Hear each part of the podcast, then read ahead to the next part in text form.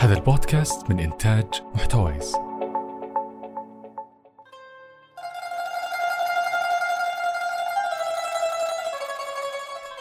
حياكم الله ونرحب باسمي وباسمكم بالمهندس عبد المحسن اليحيى المؤسس والرئيس التنفيذي السابق لشركة كودو رئيس مجلس إدارة الشركة العربية للاستيراد المحدودة والشريك والرئيس التنفيذي لشركة كوالا.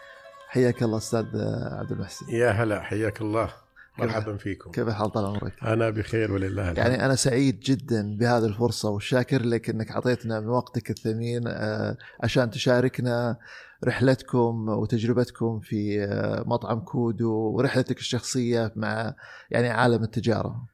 يعطيك العافية أتمنى إن شاء الله أنه في إضافة وفيها فائدة للمتلقي إن شاء الله. يعطيك العافيه. آه، طال عمرك ودنا البداية بس تكلمنا عن أنت بداياتك يعني عطنا نبذة بسيطة بس تعريفية بسيطة عشان يعني الشباب يكونوا عندهم خلفية عن آه، المهندس آه، عبد المحسن اليحيى. بسم الله الرحمن الرحيم. آه، عبد المحسن اليحيى من مواليد الرياض آه، عام 1377 يعني 1958 آه،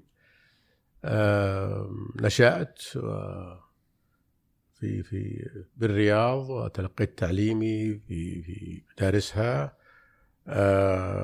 وبعدين يعني انضممت إلى جامعة الملك سعود لكلية الهندسة ودرست الهندسة المدنية وتخرجت عام 81 ميلادي.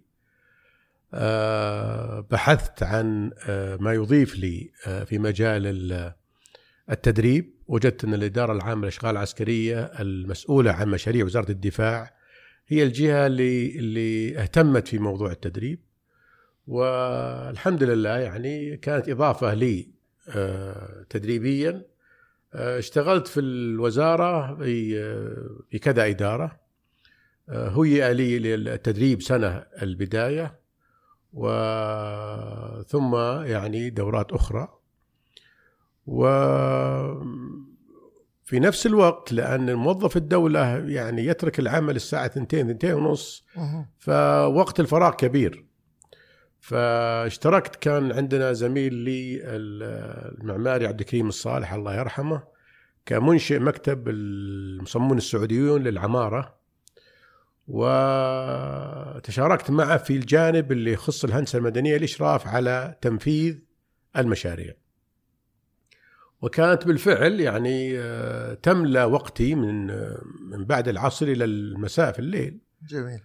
ولو كان الدخل حقها المالي يعني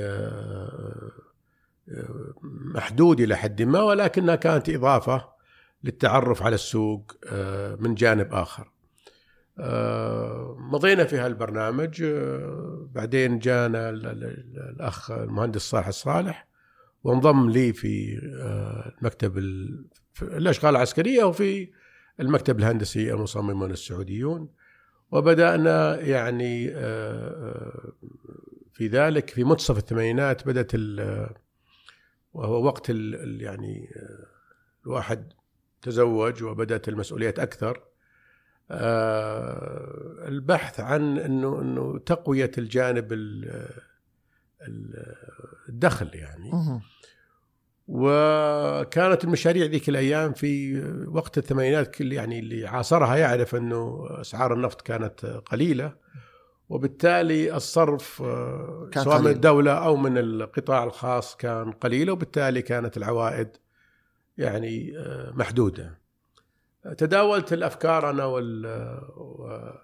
وشريكي وصديقي صالح الصالح بدأنا بأفكار زي الشباب يعني إنه ليش ما ندخل مجال المطاعم؟ وهي تجربة أنا نعرفها طبعا. وكانت ذيك الأيام بداية الهامبرجر أو مو بداياته كان موجود يعني موجود زي هيرفي موجود زي هارديز وبعض ال concept المحلية. هذا سنة كم؟ سنة بالضبط يعني إحنا لما بديتوا تفكرون أنا, يعني. أنا بدأ كان بداية عام 87 أنا كنت في منتصف 86 okay. وأول 87 كنت في أمريكا أه. دورة بعد فلما رجعت وجدت إن الظروف فب- فال- خلينا نقول الربع ال- الأول أو الثاني الثاني من 87 بدأنا نتداول الأفكار أها. في ال- ال- الربع الأخير من 87 بدأت الجدية أكثر إنه أوكي كل المعروف عن مطاعم الهمبرجر انها تقدم اللحم باللحم المجمد و والناس يعني آه، مترددة في في ذي صح طعمه طيب بس إنه يبغون اللحم الطازة كما تعودوا. آه، فبدت الايدي الفكرة إنه طيب كيف إحنا نقدم اللحم الهمبرجر من اللحم الطازة مم. وعشان نثبت إنه لحم طازة بدأنا في فكرة المطبخ المفتوح بحيث إن الزبون آه، يناظر كيف يتم إعداد الهمبرجر الخاص فيه. والفكرة يعني آه، تداولنا موضوع الموقع. كان إحدى أصحابنا عنده مطعم ولكن لم ينجح. في موقع المطاعم في شارع ال- الأمير سلطان بن عبد العزيز شارع 30 عليا مم. مجمع مطاعم معروف ذيك الأيام مم. هذا كان آخر ال 87 آخر ال 87 وكان وجود مواقع داخل المطاعم مغري لنا بحيث أنه زوار المجمع ذا جايين وهم في حاجة للأكل. و... والمساحة طيبة يعني كان 60 متر مربع. و... وتداولنا على الموضوع مبلغ ال... مبلغ. اللي يسمى اللي هو مبلغ خلو الرجل. الخلو أيوه. وعشان نتفادى المبلغ الخلو عرضنا عليه يشاركنا بس لأنه نفسه طابت من المطاعم. قال يا أخي ما ما تدري من الخيره لا يعني سبحان الله يعني. فدفعنا له مبلغ أعتقد كان 40 45 ألف ريال. وطبعا بدأت الموضوع جدي. لما تدفع فلوس معناه جد جد. والحين مجرد فكرة بس فقط. كانت فكرة بس لما نتفاوضنا مع صاحبنا وطلب ال 40 المبلغ هذا 40 45 بدأت العملية التحفيزية أعلى. بحثنا عن الاسم آه والأخ صالح آه كان عندنا طبعا الاسم الاسم هذا عليه إشاعات كثيرة واليوم يعني بس بقول لك كيف طلع لأني عارف الاشياء could ينجح. بالضبط. هذه تداولوها كثير لكن كانت عندنا من مصادر ذيك الأيام. ما كان عندنا جوجل وما جوجل كان آه، في كان قاموس الترجمة الم- المورد مشهور. أي نعم. وكان في أسماء فكنا نبحث أس كلمة واحدة لها أصول عربية بحيث إنه تعرف كانت ذيك الأيام تسجيل على الاسم لازم يكون ذو أصل عربي. وعرضنا على موضوع كودو إنه نوع من أنواع الغزلان الإفريقية. و فوجدنا أن الاسم كويس. يعني الاسم طلعتوه من طلعنا من, الاسم. من المورد؟ فالفكرة الهمبرجر باللحم الطازة موجود الموقع تقريبا ننهيه الاسم موجود بقى العملية الطبخ. أوكي. وهذا طبعا هو الأصعب. هو الأصعب. مهندسين كان ما عندهم أي فكرة عن ال- اي. انه طبخوا كبسة في البر كويس. وتكون بعد ملحة قليل ولا شيء. لكن تعرفنا على أخونا وصديقنا مصطفى حمادة وكان له خبرة في أمريكا. كان يدرس هنا مكان مبتعث. مهم. أو كان راح يدرس في أمريكا البكالوريوس. آه، عنده زي الكلام زي عندنا وقت فراغ فيشتغل في المطاعم وعنده هواية الطبخ يحب الطبخ. فعرضنا عليه الفكرة. وحتى كان مكتبنا الهندسي كان في الناصرية في طريق جنب إدارة المرور. يعني هو كان معكم برضه في المكتب لا الهندسي؟ لا لا لا, آه، لا. لا, لا, لا عرفت تعرفنا عنه عن طريق آه، صديق مشترك. يعني إيه. وت... فلما حضر يعني آه، بدأنا نعرض عليه الفكرة. ونقول له والله هذا اللي إحنا نبي آه، عندنا. فقال والله ممتاز الهمبرجر باللحم الطازج ليش لا؟ والمطبخ المفتوح ممتاز. وصارت العملية جد. و آه، أدخلنا أصدقاء لنا شركاء معنا فأصبحنا أربعة. يعني كنت أنا والمهندس صالح وبعدين ضم لنا اثنين من الأخوان. آه، وخلاص بدأنا ندفع الفلوس ولو كان مصطفى. حمادة معكم لا مصطفى كان موظف طبعا. موظف إيه. إيه. أنت بس هو اللي ماسك الجانب التشغيلي. الجانب ال- طبعا المهم إيه، المهم. إيه. okay. آه، بدينا طلبنا من من صديقنا عبد الكريم الصالح الله يرحمه تصميم الشعار للمطعم تصميم التصميم الداخلي للمطعم. وبالفعل يعني هو اللي سوى شعار الأول والشعار الثاني الكودو والهيئه اللي يعني وال corporate image الأول والثاني مم. و... تقول الأول كان غير هذا غير ال- غير هذا كثير طبعا فرق آه. آه. يعني كان حتى يعني كان صرعة ذيك الأيام يعني نادر ما تشوف مطاعم تهتم بالتصاميم الداخلية أها. فهو لا هو دخل موضوع النيون دخل الألوان دخل ال- هذا من يعني ناحية الديكور الداخلي الديكور الداخلي لكن والديكور- اللوجو ما كان نفسه هو لا لا لا لا لا, لا. آه. اللوجو بعد 10 سنوات غيرناه عجيب. إيه، ولا اللوجو أول يعني كان شوي يعني أصفر على رمادي وكان ضعيف شوي. بدينا عاد نطوره إلى هرمي وهذه مرت سنوات كثيرة آه،. يعني. آه. لأن كما عموما آه، خلاص دفعنا لصاحبنا الخلو المحل صممنا ونفذنا التنفيذ كان ألصو يعني آه، من صديق لنا واستمر معنا كثير. الاخ عبد المحسن نصار يعطيه العافية والصحة.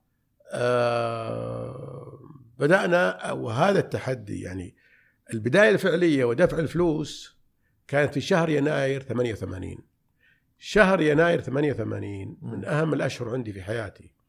بدأنا كودو رزقني الله بنتي الأولى مها. ما شاء الله. آه انتقل عملي من وقتها من الأشغال العسكرية في وزاره الدفاع إلى القطاع الخاص براتب يعني آه آه تركت الإشغال ال- تركت إعارة طبعا إيه. إعارة بس كان مغري يعني العرض بحيث إني ما أقدر يعني آه، وبعدين عرض, حتى عرض لا يمكن رفضه على. ما يكون رفضه تجربة جديدة يعني أوكي وفي نفس الوقت وتعرف أنت مقبل على مشروع ما تدري ينجح ولا ما ينجح.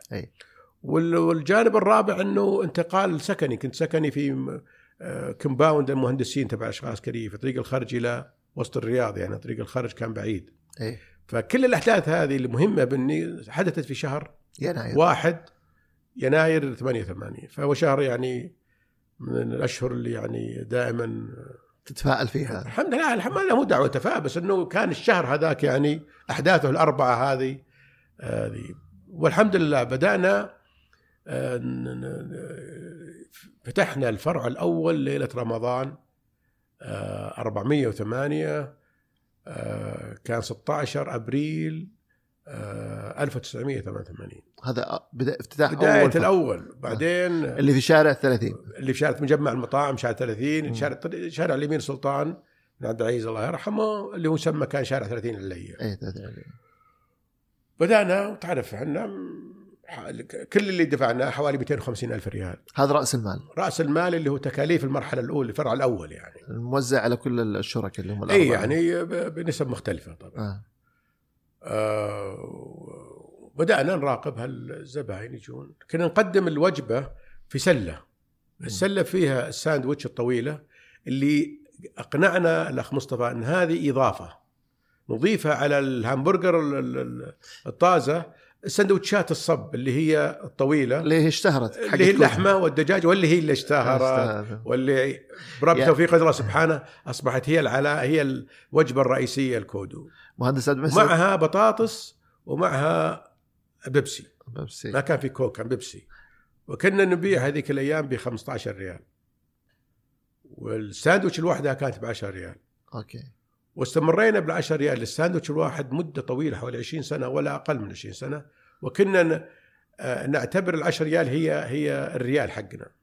يعني لما نقيم العروض ولا نقيم اشتراوات ولا نقيم أي شيء كم ساندويتش؟ لأن 10 ريال okay. فالحمد لله النقطة اللي اللي كنا يعني نخشاها أن كنا نراقب السلة هذه اللي يأخذها الزبون. هل تبقى؟ هل يبقى شيء منها؟ هل يعني يمكن أقول 90% أو أكثر؟ كانت ترجع فاضية. ما شاء الله. وكان الزباين بدينا نشوف الزباين آه، يترددون. وبدينا نشوف الزباين تقصد تقصد إن الزباين يرجعون مرة ثانية. يرجعون مرة ثانية هذه علامة. إيه. انتهاء السلة ما فيها شيء علامة. مم. آه، علامة رضا طبعا. إيه. آه، حضور آه، يعني زبائن جدد معناها إنه آه، الناس تتكلم الآن بدأت تتكلم تقول والله مطعم كودو فيه وفيه. و- وبالمناسبة كان اسمه مطعم كود. إيه. بالإنجليزي كودو والاسم العربي كود لأنه آه، تسجيل بلدية ما كان فيه. إيه. لكن لما رحنا نسجل في وزارة التجارة وجدنا كلمة كود رايحة. فاضطرينا نضيف حرف الواو. فتوازنت كودو مع كودو بالإنجليزي. ف اي برضو خير. okay. جينا على ال ال وكانت الأمور حتى في رمضان رمضان عادة من ال أنا أبغى أنا أبغى بس ما أتجاوز حاجة. أنت كنت ذكرت لي إنه حتى على اللوحة كان مكتوب أعتقد آه، برجر. مشوي على الفحم. همبرجر مشوي على الفحم. يعني كان هذا الثيم الأساسي. بس سبحان الله يعني اللي اشتهر فيه المطعم هو ال- سندوتشات الساندويتش هذا اللي هو ساندويتش الكودو. اي نعم اللحمة والدجاج. اللحم والدجاج. و اللي كانت فكرة عرضية. اي ال- الأخ مصطفى يعطيه العافية هو اللي آه، بالباع حقه في هالامور والحمد لله يعني. آه، بدأنا عاد التحدي خلاص كأن بدينا نشوف إن الأمور يعني في تصاعد. آه، نراجع المبيعات شهر بشهر نشوف التكاليف نتعلم على الأرقام لأن في أرقام مالية يعني انتهينا السنة هذيك يعني تتكلم على ثمان شهور ونص من أول سنة بأرباح. ولله الحمد. أنا كنت وقتها عملي مع مع شركة السيف للمقاولات في مشروع في وادي الدواسر. جميل. وكنت شبه مقيم هناك. لكني كل ويكند أرجع لأن أولادي هنا وكل هذا و بدأنا في مع النجاح هذا في بدايات ال 89 why not ما نفتح ثاني فرع ثاني فرع ثاني يا ج- يعني في, في أول السنة يعني ما يعني أنا ما ما ضبطني ترى ذي لكنها كانت تتداول. ووجدنا فرع برضه مساحته حلوة 60 متر وأجاره 30 ألف زي أجار الأول م. يعني محمول طلعنا بفلوس أول سنة مم. كرر التجربة أي بس كنا خايفين يمكن الزباين ينتقلون من ذاك الفرع للفرع ذا. بحكم قل الخبرة يعني. ليه هم كانوا متقاربين المقا... لا في التحلية وده شارع آه. اللي بيرصد بس إنه قل الخبرة في عملية ال- ال- الفروع و فقلنا ليش لا؟ يعني 30 ألف أجار وتكاليف الحمد ما نبغى نتكلف كثير. وبالفعل في جولاي 89 فتحنا الفرع الثاني. وبدت هذا يجينا مبيعات وهذاك مبيعات ما تأثرت. ما تأثرت. فوالله يعني إشارة يعني جيدة. جدا مو بس جيد جيدة جدا. ممتازة. في ذيك اللحظة بدأت أفكر أنا في في ترك العمل مع وبالفعل جولاي 89 آه، يعني قعدت لي سنة ونص مع شركة السيف فطلبت الإنهاء رجعت للإشغال العسكرية آه، على أساس إني أنهي أموري وخلاص. أنا آه، في لو تذكر في في آه، وحصلت بعد في في في 89 لما نجح الفرع الثاني بدأنا نفكر في الفرع الثالث. يعني الحماس لأنه بدأ آه، وشيء يعني طبعا مع الأسف موجود. بدأ بعض الناس الله يهديهم يروحون للعمالة عندنا ويغرونهم. طيب أنتم معروف أنكم تطبخون هذا الساندويتشات. اشتهرت عند الناس الناس بغوها. السر فيها العامل. يعني هالمشكلة هذه قديمة يعني ما هي لا حديثة لا لا لا أزلية قديمة- يعني. قديمة جدا يعني. وبعدين وبعضهم مساكين لما يجي على راتب 1500 أو 1000 ريال. وتغريب 3000 ريال. يوافق. هو جاي مغترب يعني تارك عياله عشان إيش؟ لقمة ال- ال- العيش. العيش. فبدأنا من هالعملية إنه نكثر شريحه توسع أكثر بحيث إنه ما نصير ضعيفين مع الوقت. هذا جانب. جانب مم. ثاني إنه النتائج الأول والثاني كانت إيجابية وتحفز إنك تروح إلى آه، في آخر 89 أو يعني في الربع الأخير من 89 أو لا والله يمكن في آخر 89 جانا فرع في في الملز شارع الأحساء.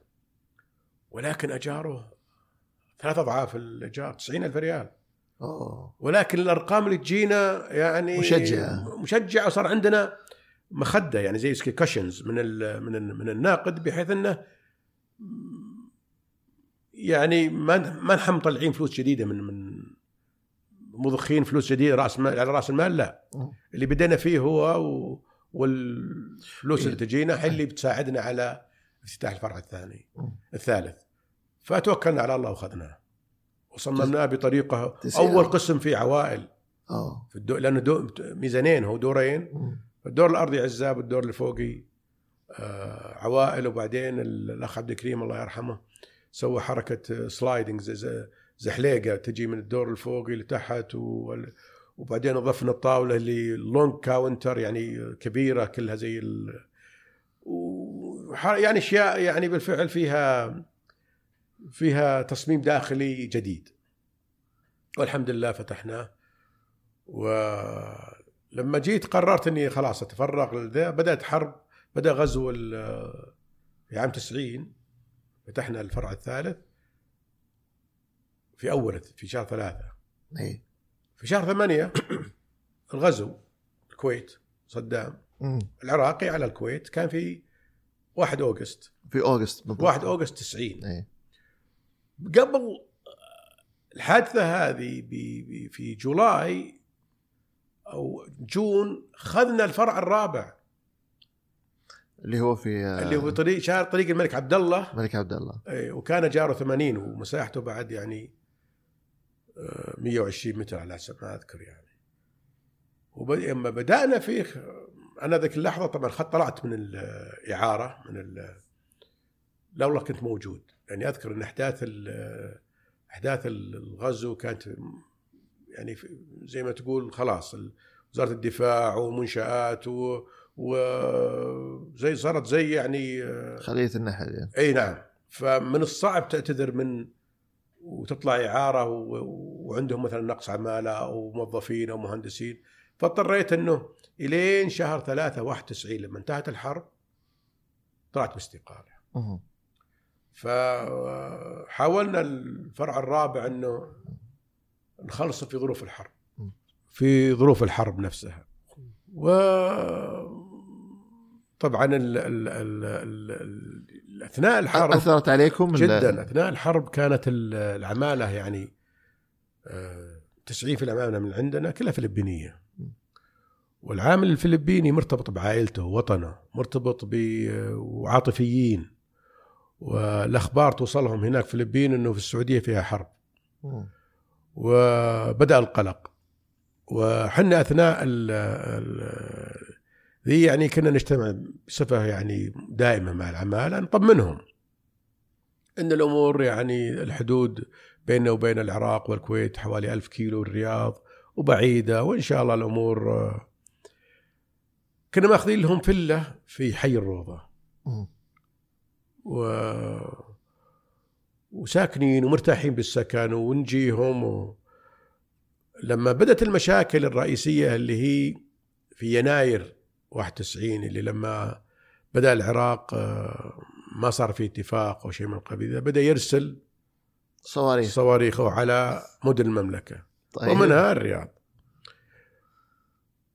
فكنت دائما أطمنهم إنه الأمور بعيدة ولا لنا علاقة بالحرب وطمنوا أهلكم. كلمني الأخ مصطفى صباح ذاك اليوم وقال لي تعال تعال العمالة منهارة. إحنا مقللنا على ساعات العمل. ولكن حاولنا نكون داعمين معنويا لي. وما ما يلامون صراحة. ضغوط أهلهم عليهم إنهم يرجعون. وحصلت ذيك الأيام موجة رجوع من شركات كبيرة. طلعت من الوزارة وقتها ورحت على طول لسكن العمالة اللي هم فلتهم في حي الروضة.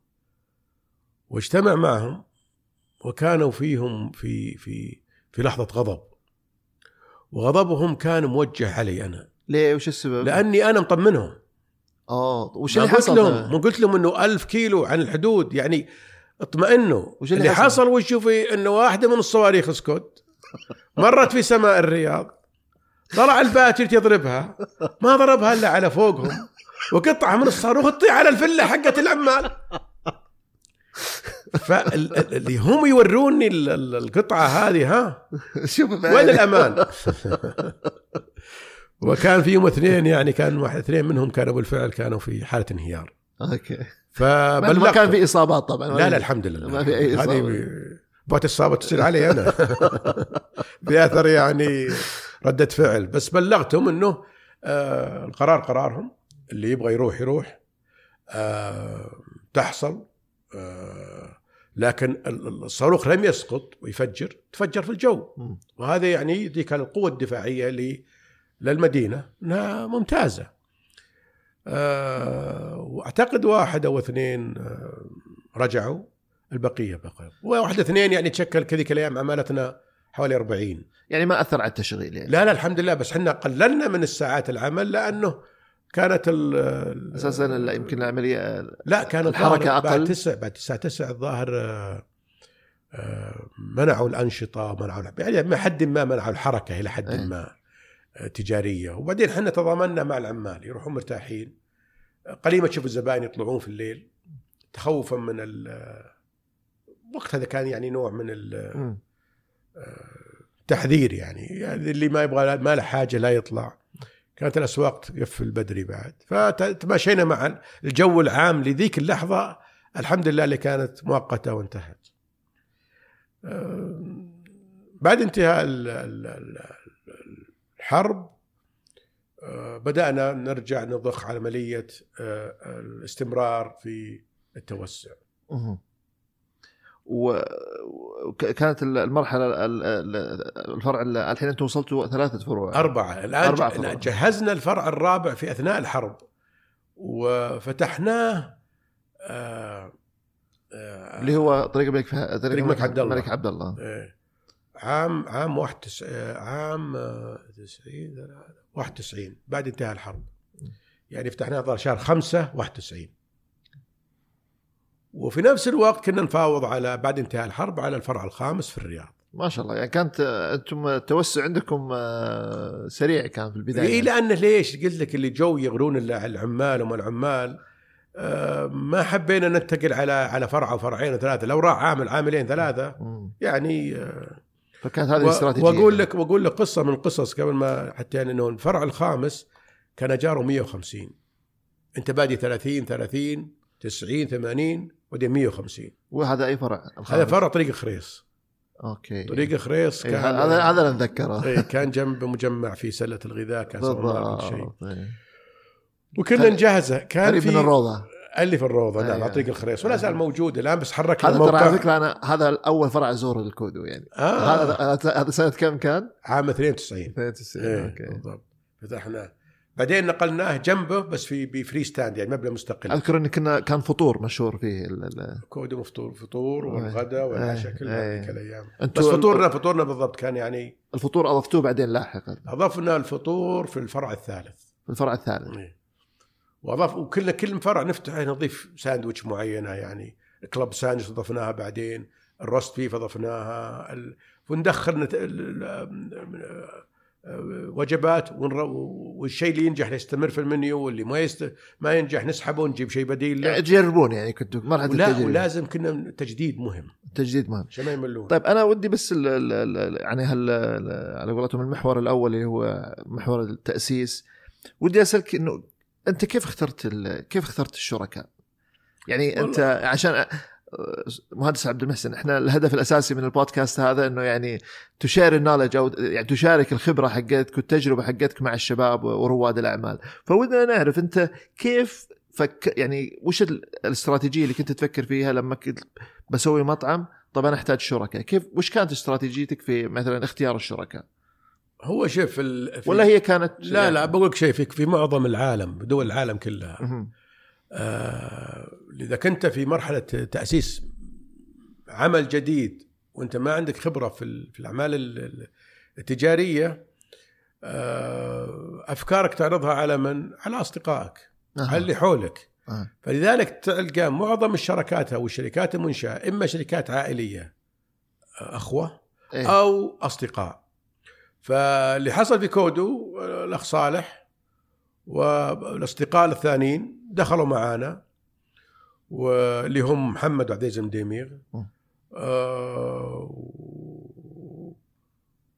بحكم الصداقة بحكم العلاقة بحكم الزمالة فقط.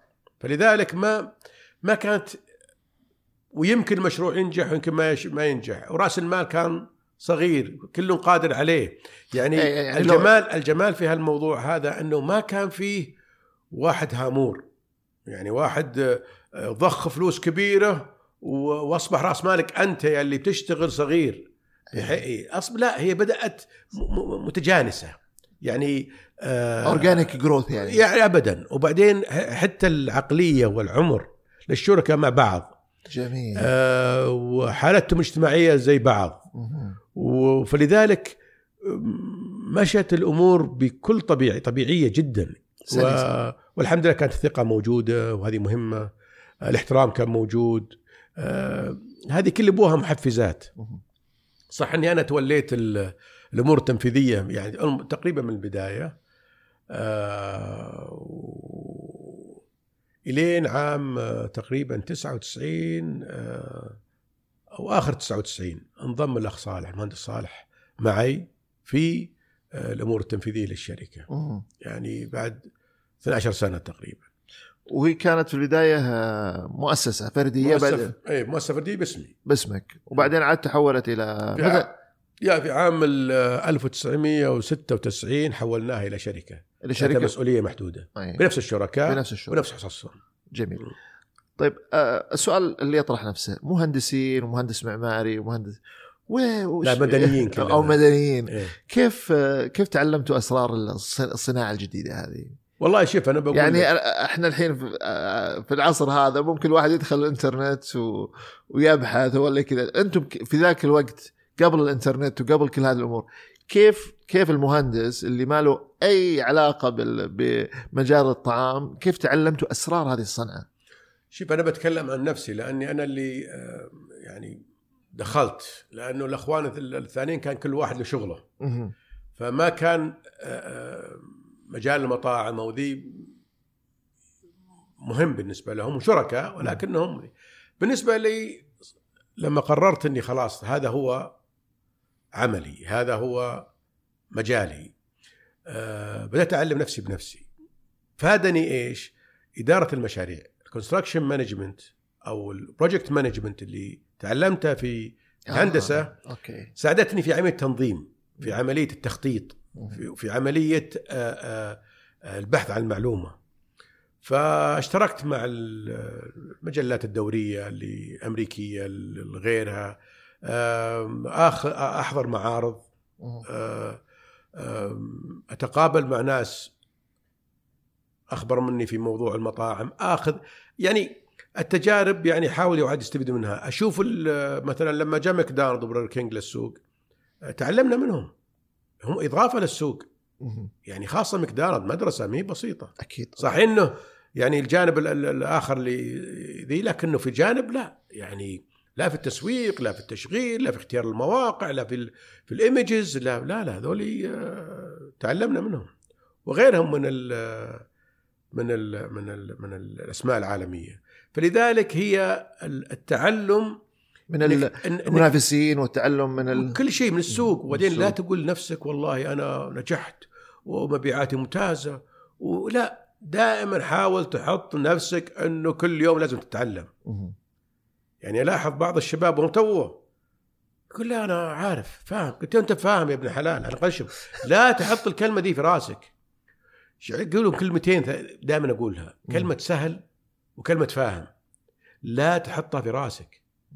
مم. لأن كلمة سهل تخملك كلمة فاهم تخليك خلاص تقفل فلذلك الكلمتين دي ابعدهم عنك ال ال ال ال ال لذلك حتى يعني هم منافسين أقوياء في نفس الوقت تعلمنا منهم يعني آه، آه، في أحداث آه، يعني لما وصلنا للفرع الخامس في الرياض مثالا يعني.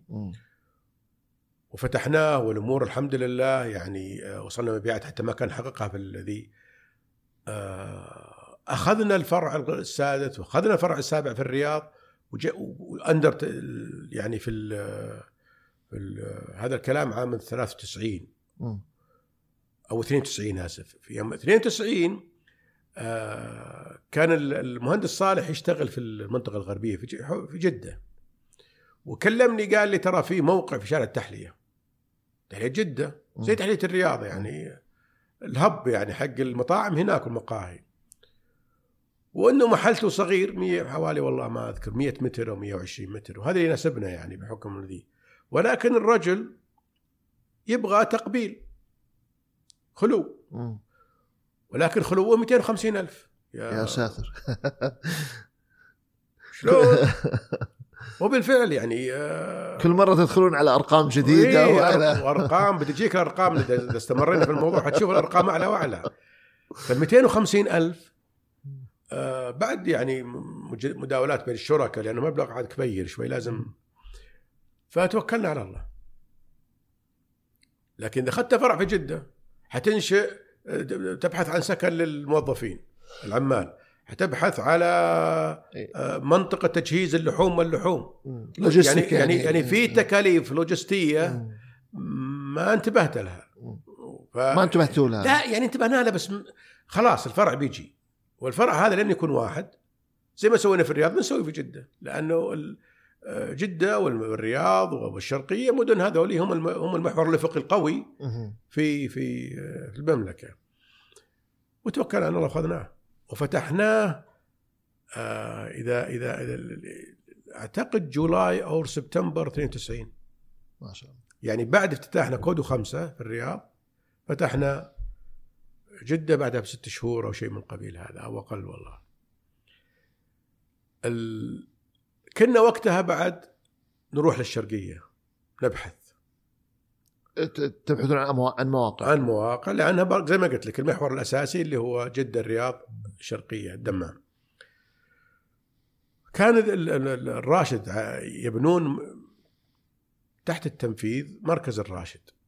وكان على مستوى مول يعني تجاري زي اللي في أمريكا إيه. يعني هو أول مول ماخذ المواصفات هذه الحديثة. وبالفعل موقعه كان في الظهران طبعا إيه. بس كان بالفعل فيعني بسرعة أقول لك إياها إنه لما جينا لل- لل- للمركز الراشد وقابلنا الإدارة تسويق والمبيعات قالوا لنا هذا ال food court أول مرة يعني نشوف food court يعني مجمع إيه. مطاعم مجمع طبعاً. آه، طيب وش آلية التأجير؟ قالوا آلية التأجير على المتر المربع. المتر المربع 3000 ريال plus 10% أو something أو 15% هذه عن الخدمات وعن. ال- ال- ال- 3000 على المتر قلت طيب وش أصغر محل عندكم؟ أعطونا محل مساحته حدود 37 36 متر مربع. قلنا نبغاه وكان هو يعني هو في رأس القوس هو جاي زي القوس ال food إيه، court. فوضي فقام ال ال وجهزناه خلاص زي ما قال فاتحين فاتحين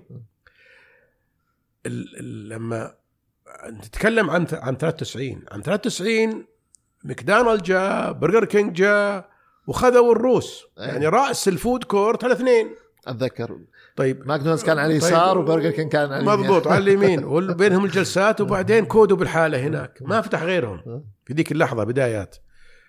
وكانت الزباين يجون بس ما يعرفوا وش كودو لكن زباين الشرقية. الشرقية طبعا. يعني أي. تعرف أرامكو أي. ال- جامعة البترول آه، الشباب اللي هناك كلهم يعني آه، عارفين وش ماكدونالد عارفين وش برجر كينج بس ما يعرفون وش كودو إيه. فكانت الرحلات ما بين ماكدونالد برجر كينج أحيانا بعضهم يعطفون علينا يكملون الدائرة نص الدائرة هذه يناظروننا ويمشون يعني حتى يعني لا menu ال menu حقنا مغري شكله ولا لكن الحمد لله بتوفيق من الله بدوا بدوا العالم يأكلون عندنا جرب. لما جربوا الأكل وجدوا طيب إيه. فبدينا مع الوقت نزيد نزيد نزيد. إلين مع بعد أسبوعين ثلاث أسابيع تشوف أكياس آه، يشيلها الزباين عليها كودو. طالع من المجمع. طالعه من المجمع. وهذه آه، إشارة حلوة يعني لنا. صح ما نقدر ننافس الاثنين الكبار ذولي لكن وقتها كان كذا.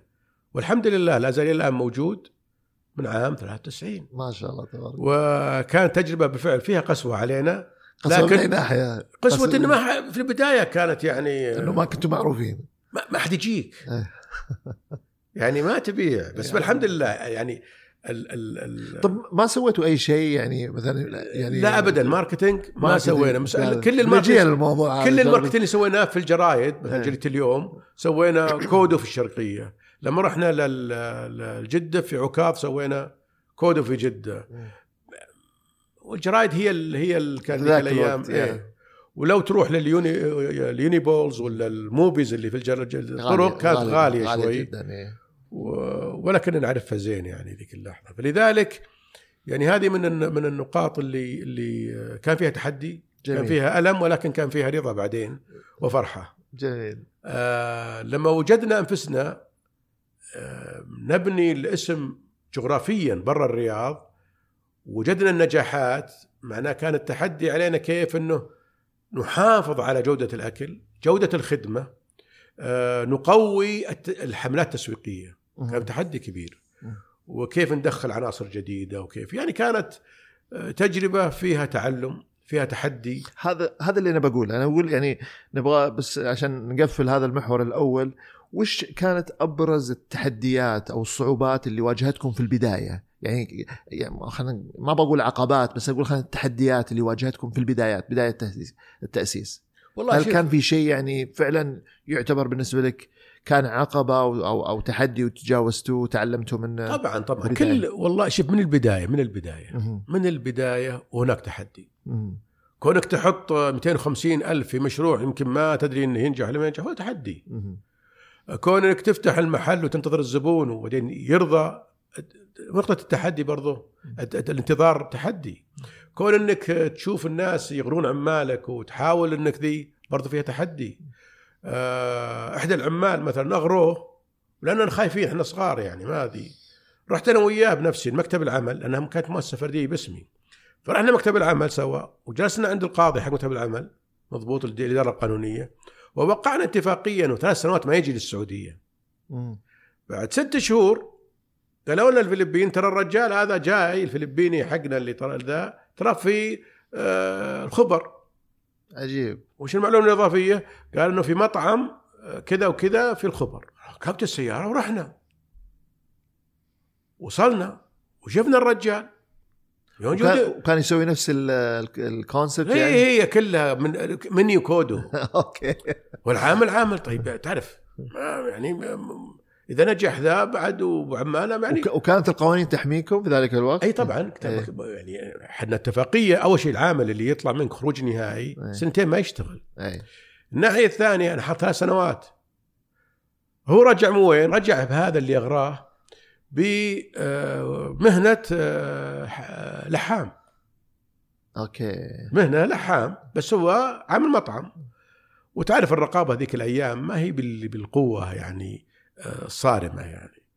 فلما شفت الرجل تداولت الأمر قلت لازم رحت للشرطة يا جماعة الخير الرجل موجود وهذا المحضر اللي بيني وبينه وأنه ما لازم يشفر يعني ما يقعد. طبعا هذا الإجراء هذا لو حدث بعد كم سنة لا نسويه طبعا. أنا هذه خلها. بس في البدايات كان بداية كان تحدي خوف. كان, كان تحدي آه. خوف إنه أنت في هالسندوتشات وهالمنيو هذا فجاب رحنا الشرطة وقلت له قلت له شوف جابوه جابوه مع كفيلة مع ممثل كفيلة الجديد ال- ذي وقلت له لل- لل- للضابط اللي كان في الليل ضابط المناوب فيه قلت شوف أنا لازم تعطيني إثبات إن هالرجال موجود. ما انت معطيني أبى أطلع أنا وياه بسوي مشكلة ومسكونا ودخلونا مرة ثانية. حجز. يعني هذه كان من ضي لما شاف اصراري ثبت إن الرجل هذا خالف الأنظمة وجاء في وقت آه، ممنوع إنه يجي. وبالفعل يعني بعد ظهر فترة سفر وعرفت بعدين انه إنه راح سوى سوى مطعم في البحرين مو هي نفس الشريك ولكن طبعا أمور يعني كانت كيفه يعني ما اي بس هذه نتكلم عن موضوع التحدي وموضوع الذي آه، التحدي هو لما مثلا آه، دخل ماكدونالد وبرجر كينج واول من طلعوا كان وينديز مثلا. أوكي. وهو شركة أمريكية. أثر آه، عليكم في المبيعات؟ أخذ شريحة بداية يعني؟ طبعا اي بس. بس ال- حنا يعني لما كنا نصنف ذيك الأيام ال- المطاعم السريعة أو إحنا نسمي أنفسنا ال quick service الخدمات السريعة. لأنه ال fast food غير ال quick service. يعني ال fast food اللي يعطيك الوجبة بسرعة. ال fast service اللي يخدمك بسرعة لكن ما عنده pre-cooked ما عنده شيء مطبوخ قبل أوكي فال concept الأمريكية لل fast food إنه مسموح لهم أثناء ساعات الذروة يحطون سندوتشات عليها طلب مطبوخة بحيث إنه على طول من من ال shelf لل- للزبون يعني لأنه جايك وجايع. على على أسرع ما تعطيه على أسرع ما إنه يجيك مرة ثانية. ال- كنا نصنف ال- ال- المطاعم إنه إنه fast food اللي هي آه، ماكدونالدز برجر كينجز وهارديز ذيك الأيام وهيرفي. آه، كنا نصنف ال- ال fried chicken اللي هو كي إف سي وحتى البيك بعد كان بس البيك كان في الغربية أكثر. آه، كنا نصنف البيتزا من ضمن الخدمات ال- ذي. وكنا نصنف كودو لوحدها لأن ما كان في sandwiches اللي بعدين جاء الصب واي بس صب واي بارد. ف يعني سندويشات باردة فلذلك آه، نجي على موضوع التحدي في التأسيس ما كان ما ذكرت شاورما غريبة إنك ما ذكرت لا ذيك الأيام ما كان الشاورما مرة لأن كان آه. الشاورما مربوط بمرونه آه. اللي شعبية يعني لا يعني ما في تخصص زي شاورما الآن إيه. شاورما شاورما يعني ما كانت ما- تحولت. إلى brand يعني شاورما شاورما كانت ذيك الأيام مع المطاعم اللبنانية والمطاعم العربية جزء من المنيو. أيوه. تدخل عندهم تلقى كان عندهم أشياء كثيرة. أيه. من ضمنها الشاورما. أيه. فما أول من بدأ تخصص في الشاورما هالمطاعم الجديدة. أيه. ومن ضمنهم آه، سلسلة شاورما. نعم نعم. طيب آه، المحور الآخر اللي إحنا ودنا نتكلم فيه هو محور التوسع والانتشار. وودنا نتكلم الآن عن قضية ال- الموازنة بين بين التشغيل وبين وبين التسويق. يعني بديتوا بفرع واحد بسيط بعدين ما شاء الله تبارك الله في فترة وجيزة وصلتوا أكثر من كم س... س... يا م- وين؟ يعني في البدايات أول سنتين أو لين 92 يعني يعني ب 92 طلع جدة. اي جدة يعني والشرقية. خلال أربع سنوات أنت في جدة. اي ما شاء الله. السنة الس- السابعة في الشرقية. في الشرقية. يعني أذكر مرة مرة فتحنا فرع مطار الرياض وفرع الهفوف رقم اثنين في الشرقية ورقم الجبير ثلاثة في شهر واحد. ما شاء الله تبارك. إيه هذا طبعا إنجاز بالنسبة. طيب أنا سؤالي كان آه، وش اللي كان بالنسبة لكم أهم التشغيل ولا التسويق؟ وكيف كنتوا توازنون بين الم... بين بين الموضوعين؟ آه، من الصعب من الصعب تقول وش الأهم؟ طبعا. تشغيل مهم جدا وتسويق مهم. ال- ال- اللي هو كيف تسوي توازن بينهم. التوازن هذا كي- اللي- كيف التسويق يخدم آه، تشغيل. كي- كيف التسويق يخدم ال- ال- ال- البراند النيم ويخدم ال- الإيمج حق الشركة. آه، طبعا بين التسويق والتشغيل هناك آه، مطابخ عمل مستمرة. آه، للوصول إلى أفضل شيء. يعني قد يلاحظ التسويق أمور لأن التسويق يدرسون السوق. يدرسون المنافسين ي- يشتغل بهالطريقة هذه. فالانسجام ما بين التشغيل والتسويق مهم جدا. بحيث أنك ما لا السوق يسبقك. ولا آآ آآ ولا التشغيل يصير بعيد يعني العين حقة التشغيل على السوق وعلى المستقبل اللي هو التسويق. وفي الأو... في السنوات الأخيرة من من قبل ما أطلع من من من كودو أنشأنا إدارة تطوير الأعمال جزء من تطوير الأعمال التسويق اي وكانت مرتبطة فيني على طول. بمعنى أنه ناظر وين بنروح. يعني هم يعني طلع لي بأفكار غير كودو بعدين. هذه تجيك في اللحظة في لذلك التسويق عنصر عنصر مهم جدا جدا يساعد التشغيل. مضبوط؟ التوازن بينهم مهم. أنا ليش أسأل السؤال هذا؟ لأني أنا ألاحظ إن الشباب دائما.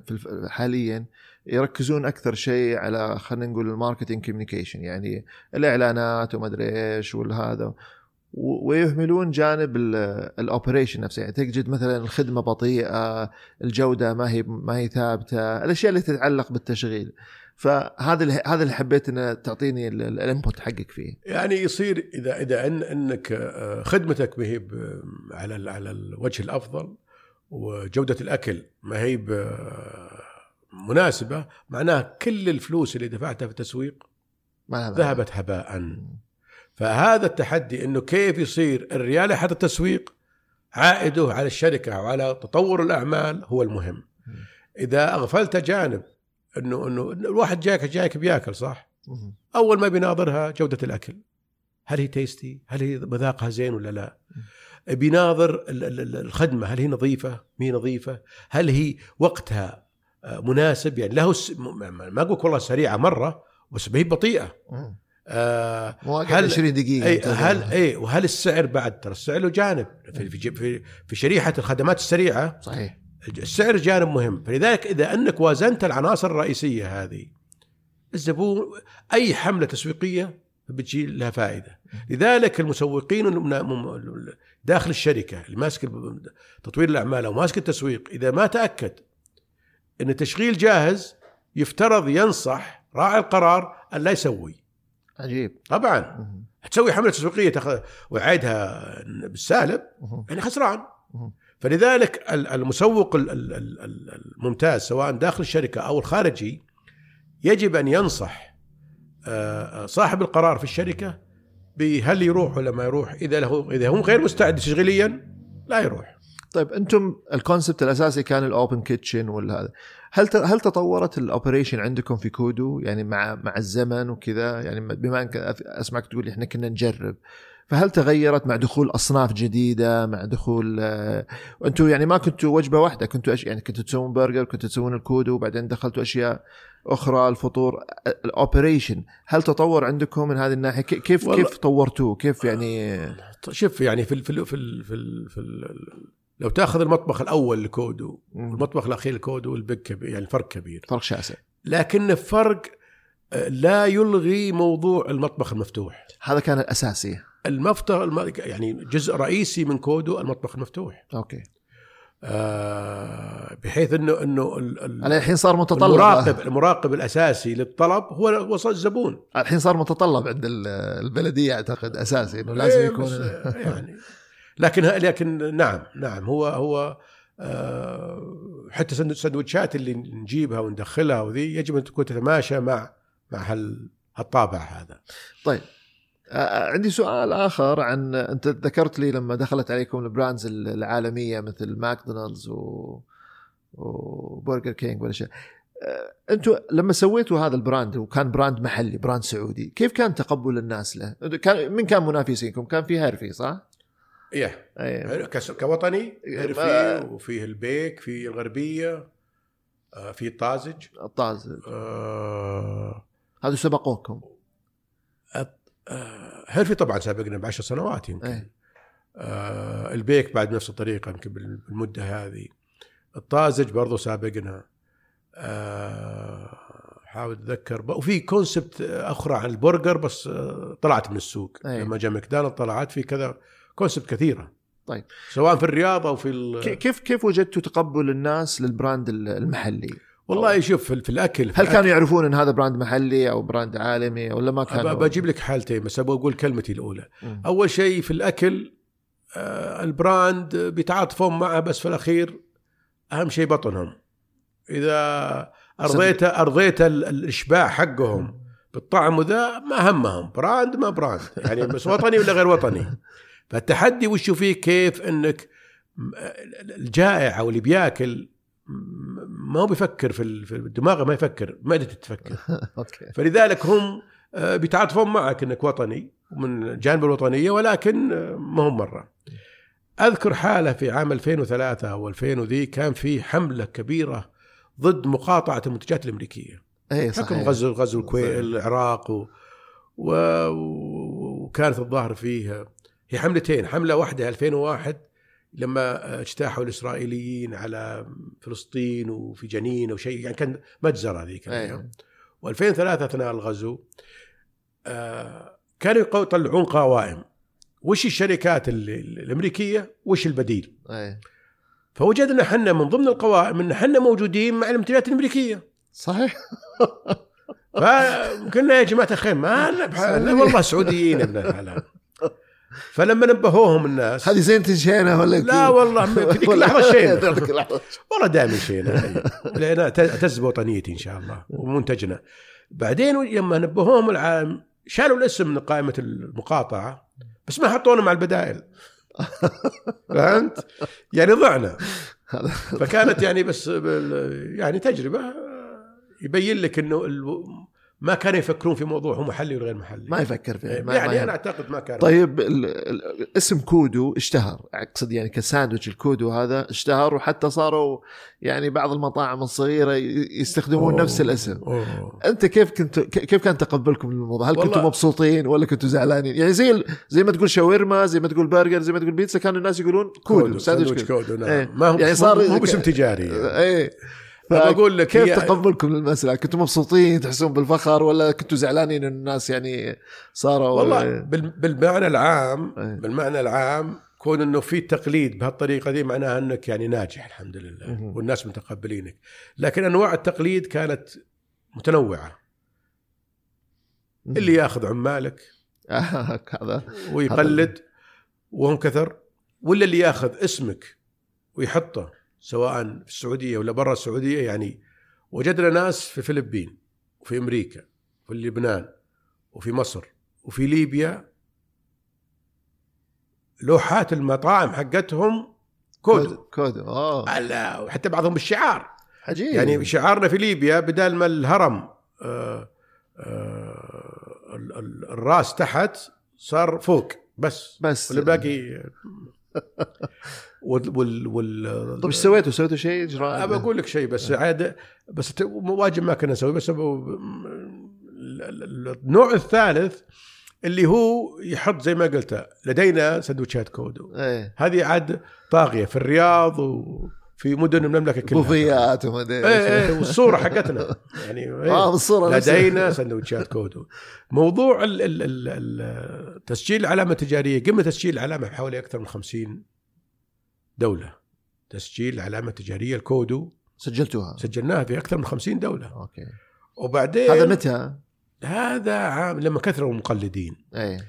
يعني كانت أق- أقوى شيء من عام ست 97 96 98 إلى 2000 إيه. كنا يعني بحركة ذي ورفعنا قضايا على اللي في مصر واللي في لبنان واللي في أمريكا. إيه. في أمريكا حتى؟ اي في واحد كان الظاهر شغال هنا وخذ له في ال food court في سنسناتي يقول لك وجابوا صور لنا. وق- والمحامي راح صارت العملية نتائجها مش حق لبنان انسحب وديا آه، حق مصر دخلنا في متاهات آه، محامين رايح محامين جايين ورحنا الغرفه التجارية السعودية يعني وقفوا معانا يعني و- ولقينا وضيعنا وقتا كثير وفلوس المحامين على موضوع ما يسوى. لا مو ما يسوى يسوى لكنه مضيعة وقت. النتائج ما كانت بالشيء اللي تبغاها. فالتقليد نعم. يعني آه، عانينا منه. تقول والله إنه إيجابي مج... هو غير غير إيجابي لكنه يشعرنا إنه والله إنه علينا طلب. واسمنا زين آه. وهذا شيء طيب آه زي طيب طيب آه، أستاذ مهندس عبد المحسن ال- في مرحلة التوسع وأنت ذكرت لي لما بديتوا في فرعكم في جدة قضية ال logistic ومساله ال logistic وقضية ال logistic لما يعني ما شاء الله صرتوا سلسلة يعني من المطاعم وكبيرة أكيد إنها كان فيها سلسلة إمدادات يتبعها فأنا ودي أسألك هل لما صار هذا التوسع عندكم هل قررتوا مثلا إنه جزء من سلسلة تستثمرون أكثر في جزء من سلسلة الإمدادات حقتكم؟ طبعا. طبعا. يعني إحنا تكلم عن الموضوع. تكلم عن موضوع سلسلة الإمدادات وش الشيء اللي قررتوا إنكم يو انفست أو يعني تستثمرون أكثر فيه؟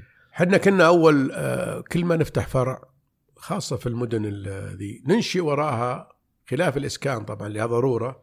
ننشئ المستودع والثلاجات وغرفة تجهيز اللحوم والخضار. خلف, فوجه خلف كل فرع. مو بخلف كل فرع كل منطقة نجيها. كل منطقة. ناخذ منطقة لوجستية فيها المستودع وفيها تجهيز اللحوم والخضروات والثلاجات فيها والدراي ستورج فكانت العملية أم، كثرت. حتى دخلنا في موضوع المخبز. يعني بدأنا نخبز لأنفسنا من عام 93 فكان كل مدينة فيها مخبز. وفيها حقة اللحوم وفيها أصبح مراقبه الجودة تسمع زبون في في في البريدة يقول لك والله خبزة مي طيبه وزبون في الهفوف يقول يا أخي لحمتكم اليوم قاسية.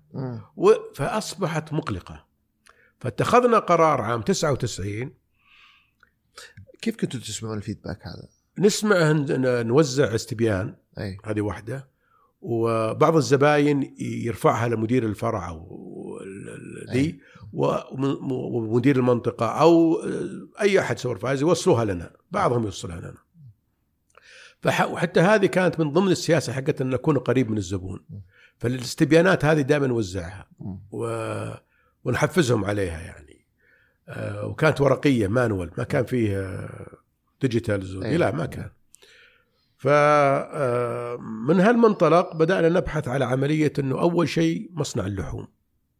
كان عندنا غرفة تجهيز كبيرة في في منطقة السلي ولكنها آه، آه، تحتاج رخص بلدية والبلديه ما ترخص لك مصانع في منطقة مستودعات فانتقلنا للصناعية الثانية بالرياض وانشانا مصنع لحوم. قررنا المرحلة الأولى إنه يكون خاص بالرياض. بعدين دخلنا معدات تجهز لنا اللحوم آه، للمناطق البعيدة. وهذا يتبعها طبعا شراء آه، تركات أكبر. فيها ثلاجات وفيها ذي. آه. هذا غطينا جانب اللحوم. بعدين جينا موضوع المخابز. أنشأنا مخبز على أعلى مستوى آه بحيث إنه يخدم كودو بالخبز الطازة لمنطقة الرياض خبز ال- ال- الفروزن اللي يخبز مع الطلب. في في في المناطق البعيدة والمجمد يعني إيه.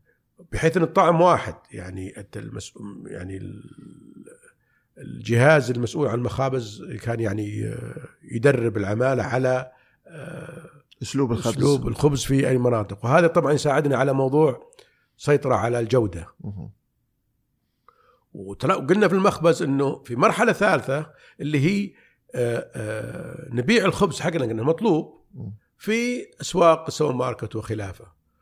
ون- ون- ونقدم وجبات للفطور زي الكروسان المافن مع الفطور حق حق كودو.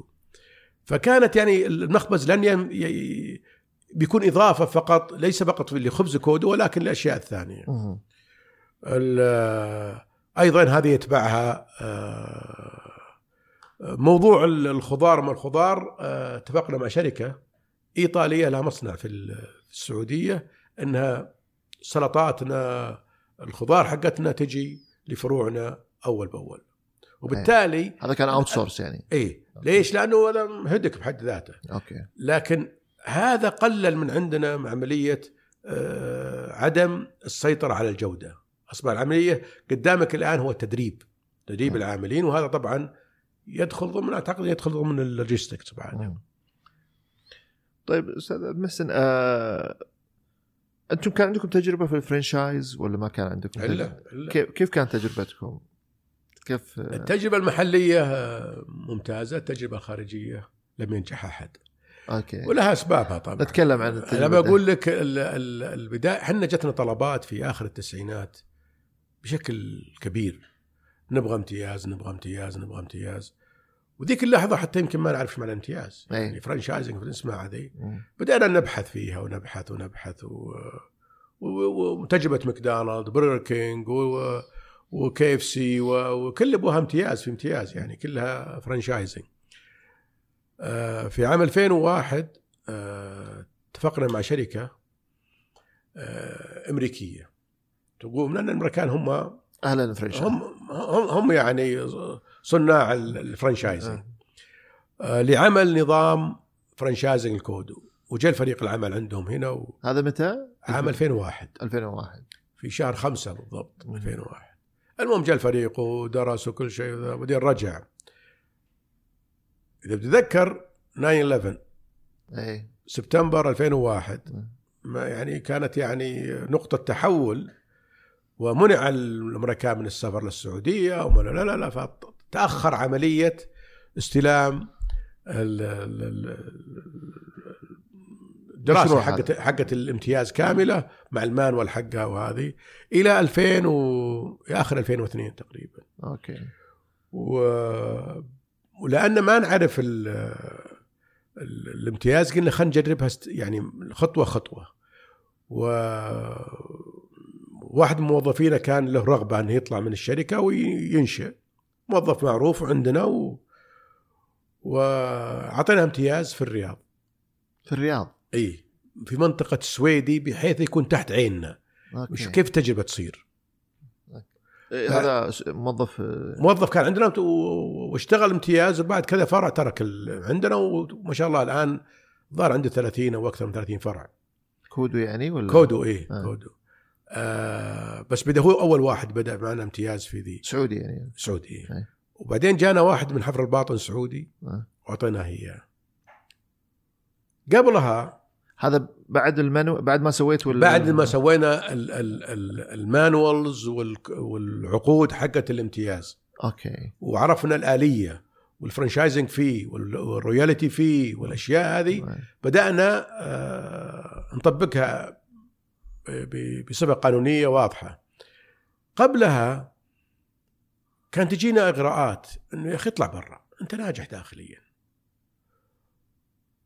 و آه، أذكر مرة واحد آه، اسم كبير في كان توه بادي في موضوع ال... يجيب chain والآن من أكبر الناس اللي عندهم chain عالمية وفي المنطقة يعني. وتكلم معنا. قال أنا بأخذ كودو في الشرق الأوسط كله عجيب إيه من بس لما السعودية يجي ولا من خارج السعودية؟ خارج السعودية إيه لا لا هو لا. هو من خارج السعودية؟ إيه إيه، وهذول آه. هذول يعني آه،. معروف. معروفين يعني إيه. وكان عندهم توهم بادين يعني آه توهم بادين ستاربكس يلا أوكي و و وطلبوا من المسؤولة هذه اللي كانت وهي واحدة مسؤولة عن الذي إنه شوفوا لنا concept محلية في السعودية ناخذها مم. فاشرت عليهم كودو. فجونا فقال كان عندنا فرع فقط في البحرين. كان ما كان فاتحين عندكم فرع في الشارقه أنتم؟ هذا بعدين. إيه. نجي الآن على البحرين هو أول واحد أتى. أول واحد أوكي. لما فتحنا فرع ال- ال- البحرين الأول والثاني تعرف سوق البحرين لا يقارن بالسعودية. إيه. يعني من قدر من المبيعات وذي. فكان الأداء يعني ما هو مرة يعني. فبدينا هم قالوا بناخذ الخليج إلين تركيا إلين الشرق الأوسط. فهم جايين تعرف ال ثقل يعني. ثقل كبير يا شيخ يمكن. فقلنا لهم هد الرمي شوي شوي خلونا نبدأ شوي شوي يعني. ما مشت المحادثات يعني كما ينبغي. جونا هنا في الرياض كذا مرة رحنا له بالكويت مرة ولكن وقفت على كذا. ف آه، ج- جينا في في دبي وسوينا نفس الطريقة. دبي البحرين.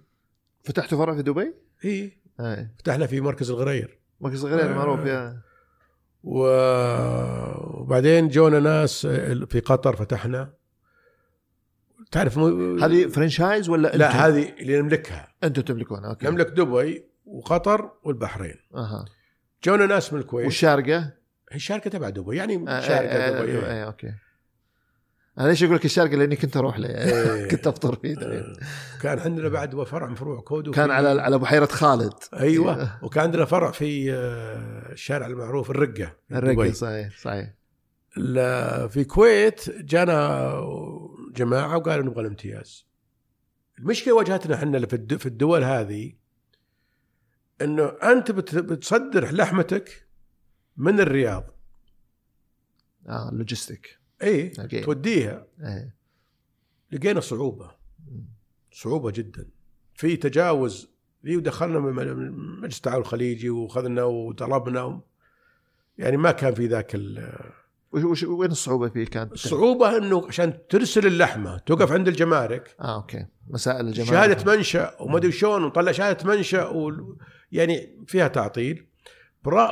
أضف على ذلك الجانب حنا الاستعدادي. ما كان حنا مجهزين الفريق المناسب لدعم الفروع الخارجية. أوكي. وهذه عملنا الفروع الخارجية كان فروع في السعودية. وهذه نقص خبرة عندنا إحنا يعني. آه، فما يعني في كذا كذا حالة آه، ما ساعدتنا. في دبي جانا واحد من أهل دبي وخذ الفروع. و وماش ما يعني كان إعطاء السوق السعودي مخفي مو مخفي يعني مقلل من من أهمية الأسواق مو الاخرى لا والله أهمية مقرر نقص خبرة عندنا وإضافة على الدخول. حتى إنه رحنا للسودان. وتجربة السودان طبعا ما كنت حاطاها في رأسي ولكن جت يعني ناس و, يعني أعطوك من ال... فتحنا و... الكلام الجميل يعني الوعود الجميلة. إيه إيه يعني مع الأسف ما تجربة ما كانت. لذلك ال- الامتياز الدا الدا الخارجي آه، لم ينجح أحد. حتى في الأردن ناس فتحوا ما نجحوا. لكن الامتياز الداخلي الآن آه، تعزوها عدم النجاح ليش؟ عدم اهتمامكم عدم لا لا لا لا, لا, لا. أنتم هي هي نقص خبرة نقص عندنا. خبرة؟ نقص خبرة. لم نوفر الفريق العمل الخاص للفروع الخارجية سواء نملكها إيه. أو امتياز. واحد متخصص في. ال franchise ال- السوق الخارجية تختلف عن السوق الداخلية. يعني إذا أنك ناجح brand يعني بقول لك شيء. إحنا عندنا فرع في قريات امتياز. إيه. القريات قريب من حدود الأردن صح؟ إيه. قريات أحيانا يبيع ب 20000 ريال. يوصل آه، يعني معدلات عالية. تروح لعمان الأردن. يلا يبيع 2000 آه. تحط حملات إعلانية هنا. لأنه نفس اللي خذ قريات اللي خذ منطقة الشمال طلب منا إنه يروح الأردن وافقنا له. يعني يقول جنب خلاص يعني توقع إن القريات هي عمان يعني زي ذي. آه. بس ما يعني أعزوها إلى إلى إلى آه، قوة ال branding في السعودية أقوى منها في الأردن. هذه آه، واحدة. أوكي. الناحية الثانية وصول المنتجات ب- ب- بسلاسة وبسهولة إلى قريات غيرها توصل للأردن. آه، زي ما قلت لك فريق العمل اللي اللي معنا آه، قوي في السعودية ما جهزنا احد خارجي فهناك عوامل متعددة يعني. في قصتين رويتها لي أنت قبل ودي بعد نذكرها إذا إذا إذا ودك إيه. حقت ال- فرع المطار. طلبك خالد. وفطار مطار الملك خالد وفرع ال- مكة. لا وعندك فرع الشرقية ال- الخبر. اي وذكرناها بس بس هذه إيه. لأنها قصة خاصة يعني على قولتهم. اي أنا أقول في في, عام 95 ميلادي آه، قررت إدارة مطار الملك خالد أن تطور خدمات. وسيما أن انه فيه ال- ال- المستقبلين والمودعين آه، للمطار وموظفي المطار وما عندهم وجبات خاصة يعني الأكل بالذات. فقام قرروا إنه بعض المحلات واحد للهمبرجر وال sandwiches وواحد للبيتزا وواحد للآيس كريم. بيحطون عليها إيش؟ منافسة. هذا نظام الحكومة طبعا أو نظام الد- الحكومية. آه، ما كنت أعرف عن هذه. واحد من الزملاء كان يشتغل هناك كان زميلي في الأشغال العسكرية وقتها. كلمني قال لي يا أخي ليش ما تقدمون؟ تقدم على إيش؟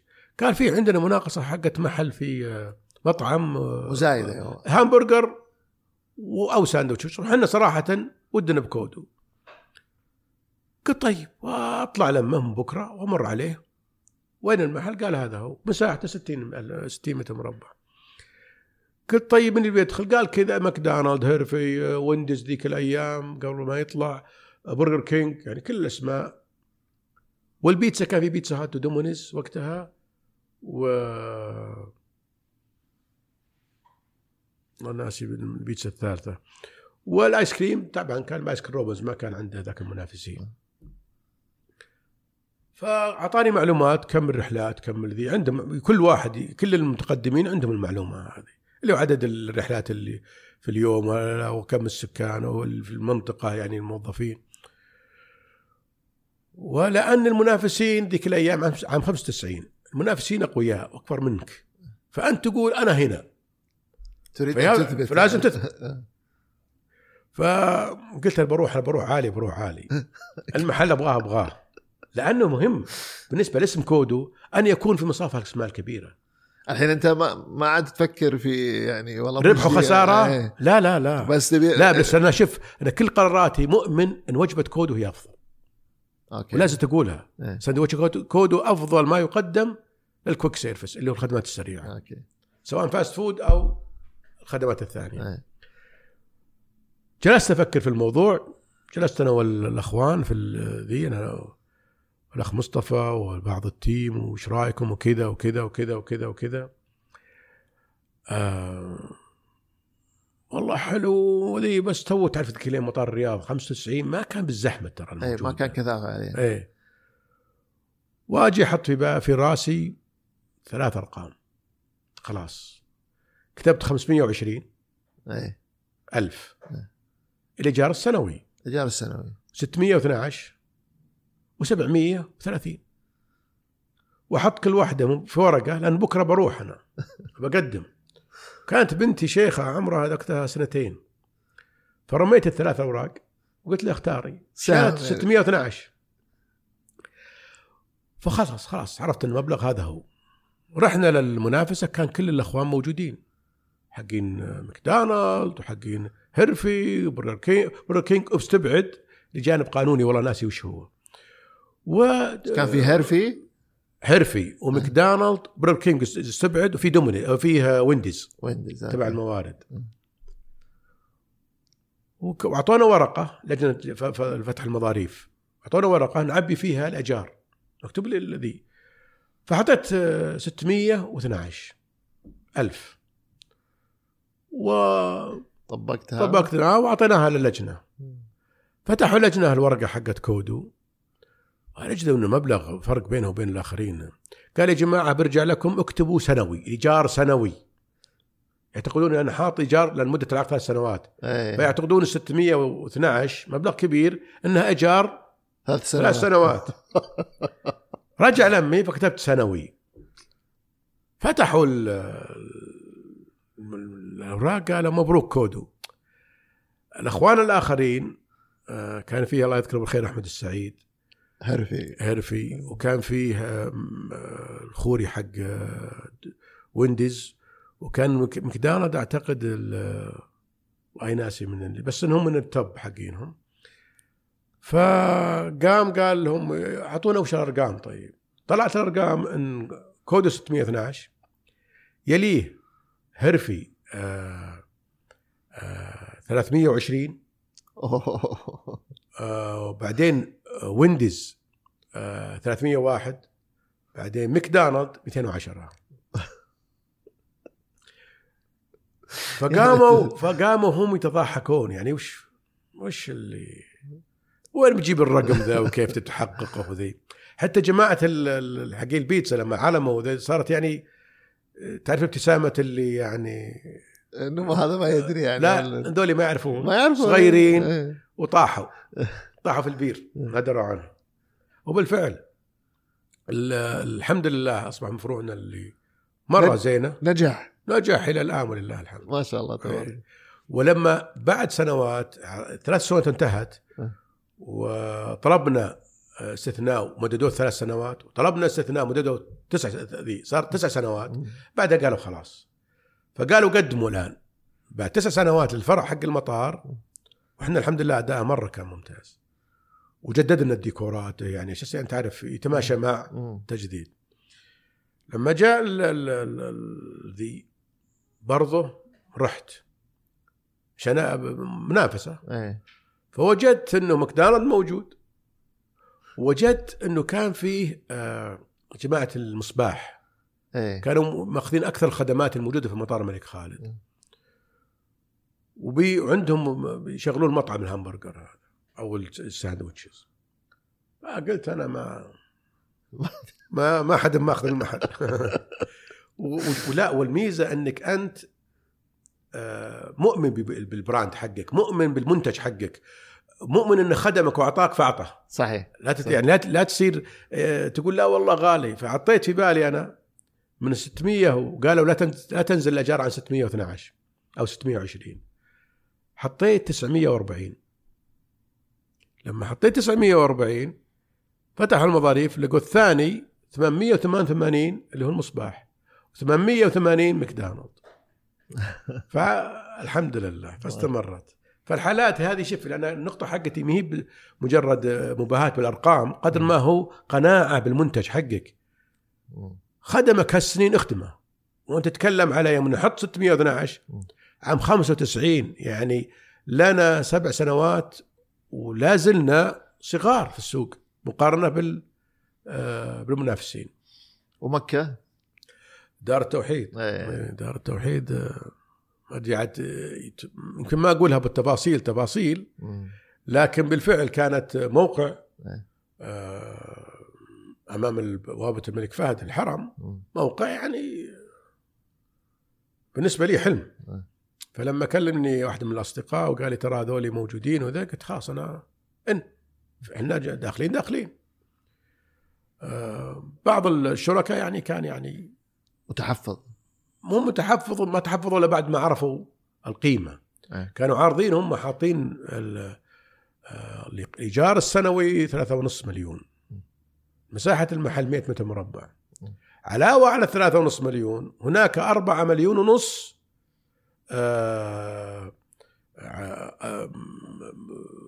أولوية. يعني إن- إن إذا دفعت 400 4 ونص اعطوه خلاص يعطونك اياه. اللي هي بدل أولوية. فأنت بتعطيهم شيك ب 8 مليون. أعطيناهم. المحل ذهب. وحتى في لحظة من اللحظات اللي بيني وبين الشركاء على أساس انه مبلغ كبير قلت خلاص خلوه امتياز لي بعدين. إذا وجدت الموضوع أنا أخذ امتياز وأتحمل كل شيء. يعني معطيهم خط إنه ما ي... لو. إحنا ما كان عندنا امتياز ذيك أيه. يعني أقدر أخذه لي ويصير فيه آه، عائد للبراند قلت لو يعني لو. والكلام هذا كان كان عام 99 مم. يعني آه، أعتقد 99 ميلادي إذا لم يخني ال- وبالفعل خذنا المحل حنا و- وجلسنا مع الأخ عبد الكريم صممنا عن تصميم سريع يعني. أه. وغيرنا المنيو خليناها يعني هذا اللي كنت بسألك عنه. المنيو أكيد إنها ال operation تختلف يعني ما. حاطين club sandwich إيه. آه، في أيام ال peak في أيام ال- رمضان وأيام ال- الحج. إيه. ولكننا نعرف المواسم أساسا. إيه إيه. مواسم الح... آه، مكة ما نعرفها. ما تعرفون أي شيء عن السوق. ابدا لا. سوق مكة ما نعرفه. إيه. وش ال peak حقه وش اللي مو peak. نعتقد إنها دائما خط أخضر. لما بدأنا آه، جبت الأخ عبد المحسن نصار على أساس ينفذ. قلت له ابد إذا لحقنا على العشر الأواخر لك مكافأة. وبالفعل والله وصلنا عشر الأواخر. شيء جونا عالم ما نعرفهم. وكودو عشان تربكة جيب زحمة عليه. ما يعرف آه. الزحمة. كودو ليس له الواجب ما يروح اماكن مزدحمة لأنه يرتبك. طب كيف عالجت المسألة هذه عادي المسألة لأنه أنا كنت موجود ورا في واحدة من اللحظات الأيام اللي كنت فيها كانوا الناس يرمون ال ال العشر الأواخر في مكة إيه. كان الناس يرمون الفلوس ورانا ورا الكاونتر أشوفه في الأرض. من هنا ما أدري. فكان إنتاجنا على على سندوتشات لحمة دجاج لحمة دجاج وبطاطس وكوك. بس. بس. ما ما تقدر عشان بسرعة تلحق. اي اي والظاهر كان فيه الظاهر برجر يعني كان ال- نبغى شيء سريع. آه آه انتهت العشر الأواخر شفنا أرقام ما قد شفناها. في مبيعاتنا كل تاريخنا ما قد شفنا أرقام زي هذه. مبسوطين حنا جاء يوم العيد. ونزلت الأرقام من أرقام وذي إلى أرقام غريبة. أرقام ما يمكن يعني وصلنا بشيء من الإحباط. دخلكم الروعة على قول إيه الآن بدأت ذي. لين شهر شوال كله كان مرة ضعيف. آه. كذا جاء ال- شهر ذي القعدة بدأ الحجاج يجون. برضو ذي القعدة يرتفع. هو يرتفع بس مو بارتفاع اللي كنا نشوفه في عشر الأواخر. يعني بدايتنا كانت قوية. لو بدايتنا إحنا ضعيفة بعدين رحنا قوية يمكن أحسن. بس تبدأ قوي وتنزل تحت. جاء الحج ثلاثة أربع أيام. بعدين جماعة اللي أجروا علينا في ثمان محلات هي. في دار التوحيد كان فندق الانتركونتيننتال دار التوحيد. وفي ثمان محلات برا. ما أجل شيء. إلا كودو. جابوا مكدونالد قال ما أقدر على الإيجار هذا. جابوا آه، أعتقد آه، إذا ما يخوني الذاكرة من كلامهم يعني. KFC حقين ما حد جاء. ونقطة إيجابية لهم رج الفلوس ما صرفوها حقتنا. آه آه مجرد أنه والله كودو قدامهم يعني خذ المغامرة. مم. أنتم ما تغامرون يا الآخرين يعني. فر- فالجار أصبح بدال اللي قالوه هذا أصبح 2 مليون و100 آه. نزلوا لكم في ال- اي اي لا الحمد لله.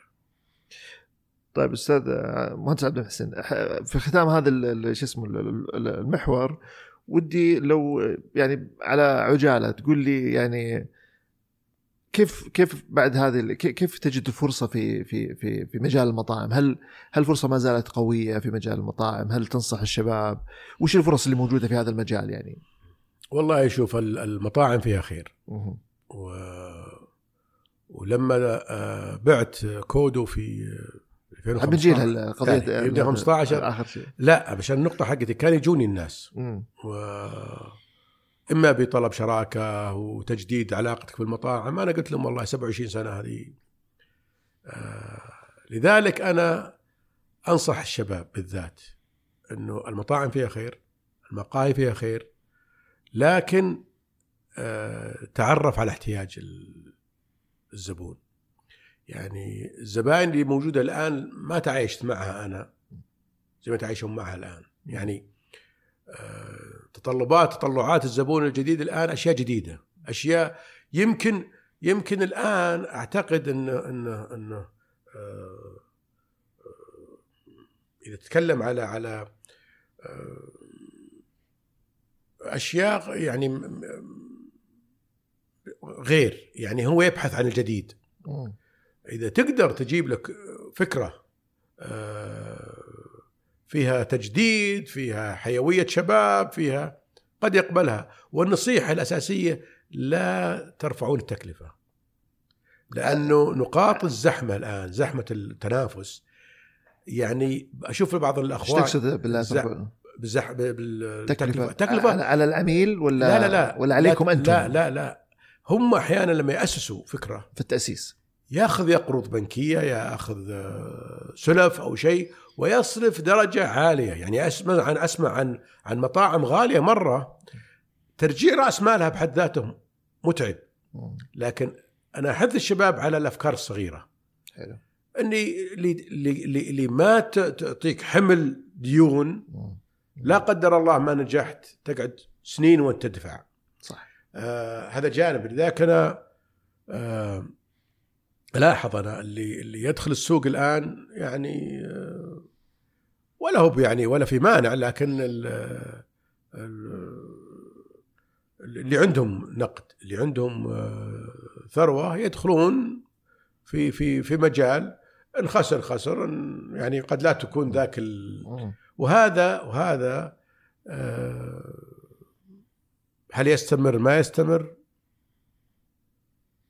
آه، يعني نشوف إحنا في في أفكار تجي جديدة يعني إما يكون وراها شباب آه، يبحثون على على التحدي يبحثون على آه، تطوير أعمالهم أو شباب آخر أو ذي آه، للتجربة لأن عنده قدرة المادية إنه يجرب في ذي ويجرب في ذي ويجرب في ذي فهمت النقطة حقتي إن نجحت نجحت ما نجحت لن تؤثر عليه.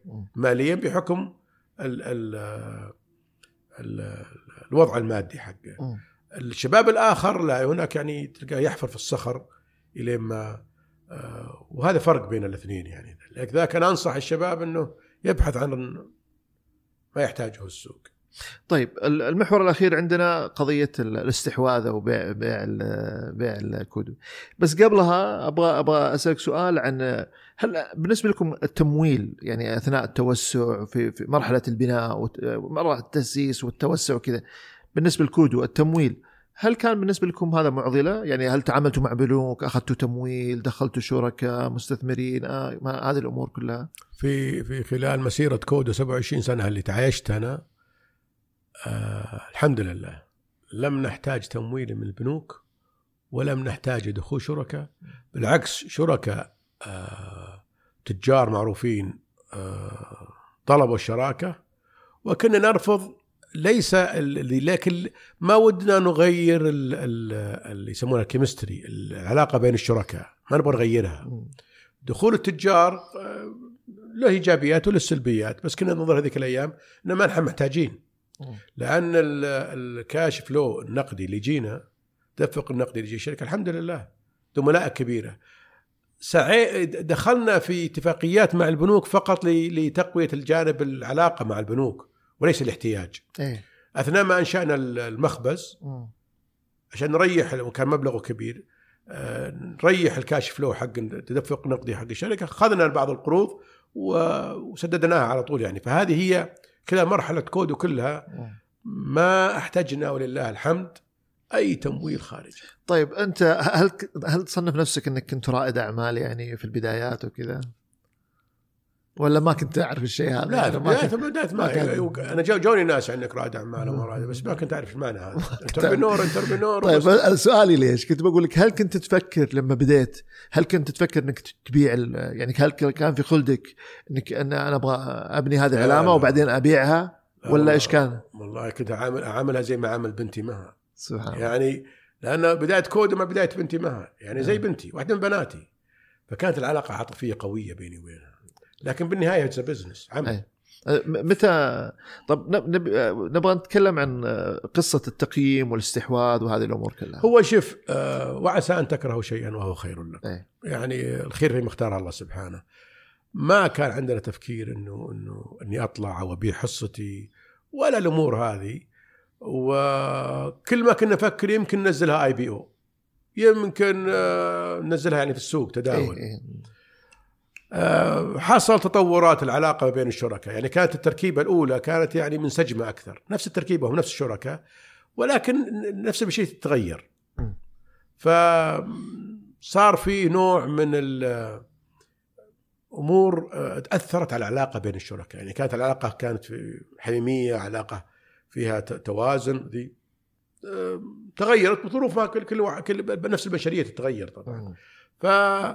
فاصبح ال ال ال العلاقة ليست آه، إيجابية. ما هي صحية. ما هي صحية ابدا. يعني تكلم أنت من من بدأت من عام 2008 حاول سواء الشركاء منهم يلمون بعضهم بعض ما قدروا آه، الثقة بدأت تضعف. آه، هل, بعدين هل السبب في واحد آه، كلمة لأحد الزملاء تعجبني يا الله يذكره بالخير آه، أسامة الرشيد وبسام الخراشي بعد يقول يكررها دائما. يقول تهاوشوا خلوا هوشتكم في البداية. يعني كل شيء اتفقوا عليه في البداية قبل ما قبل ما تبدوا هل كان المسألة مسألة ال- بناء العقد بها هل لها علاقة ولا ما لها أي لا، علاقة؟ هو شوف هي شوف ال- أي بزنس. يتعرض لموجات الطلوع والنزول والأشياء هذه. وال وال وال وال وال والمهنية تتطلب إنك تكون واضح مع مع شركائك لأنها أمانة يعني. لكن آه، بدون ما ندخل في التفاصيل التفاصيل. والأشياء ذي ال- العلاقة لم تكن صحيه. وكانت قدامي آه، الهدف الأول ال- حماية كودو. آه، حماية كودو لأنه منتج وطني. حماية كودو لأنه يعني بناء يستاهل آه، brand يستاهل المحافظه عليه آه، فأبلغت ال- بدأت تدخل بيننا وسطاء طبعا لأنه ال- ال- التواصل شبه انقطع يعني. آه، فأقول للوسطاء أنا يعني بقاء البراند بقوة يتطلب عدم استمرار الشركاء على ما هم عليه. سواء حنا يعني أنا اطلع آه، احد يجي ثاني لكن بقاء الشركاء على ما هم عليه ليس صحيا لصالح كودو. كانت في محاولات محاولات بالأخير وجدت إنه في آه، في نهاية 2013 إنه وبلغت ال- المهندس صالح الصالح شريكي قلت له صراحة أنا ببيع حصتي كم كانت حصتك أنت؟ أنا كانت 30% والأستاذ صالح؟ 30 أوكي. والأخوان كانوا 40 فبلغته قلت أنا مبيع لأنه ما يصلح إنه فبلغني إنه أنا معك. وقلت فكر. قال لا. على طول يعني وأنا هذا يقدرها له يعني دائما. واتصلنا بال HSBC. كمدير كمستشار. مالي HSBC يعني آه. لأنه يعني هدفنا ال- الجذب العالمي لل- للمشترين يعني وفي نفس الوقت اسم يعني يثقون فيه المستثمرين أكثر وجلسنا معهم بلغنا الشركاء الثانيين إنه ترى إحنا نبيع حصتنا بكذا وكذا ردوا علينا قال هذا قراركم و... فاستمرت العملية ال... ال... البروسيس حقت ال- البيع آه، عام 14 كاملة. إلى ان إحنا وقعنا في نوفمبر 2013 مع HSBC. آه، استمرت عام 14 كامل.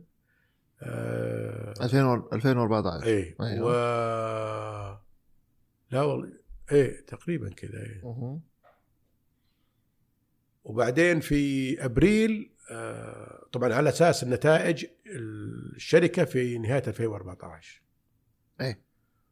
و- والحمد لله كانت نتائج يعني خلت السعر زين.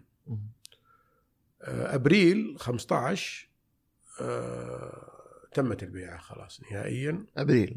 أبريل 15 آه، من اللي؟ شراها ال- ال- ال- شو اسمه كونسورتيوم تي بي جي الأمريكية. كي بي جي تي بي جي تي بي جي تي بي جي تي, تي بي جي آه. وأبراج الإماراتية. مم.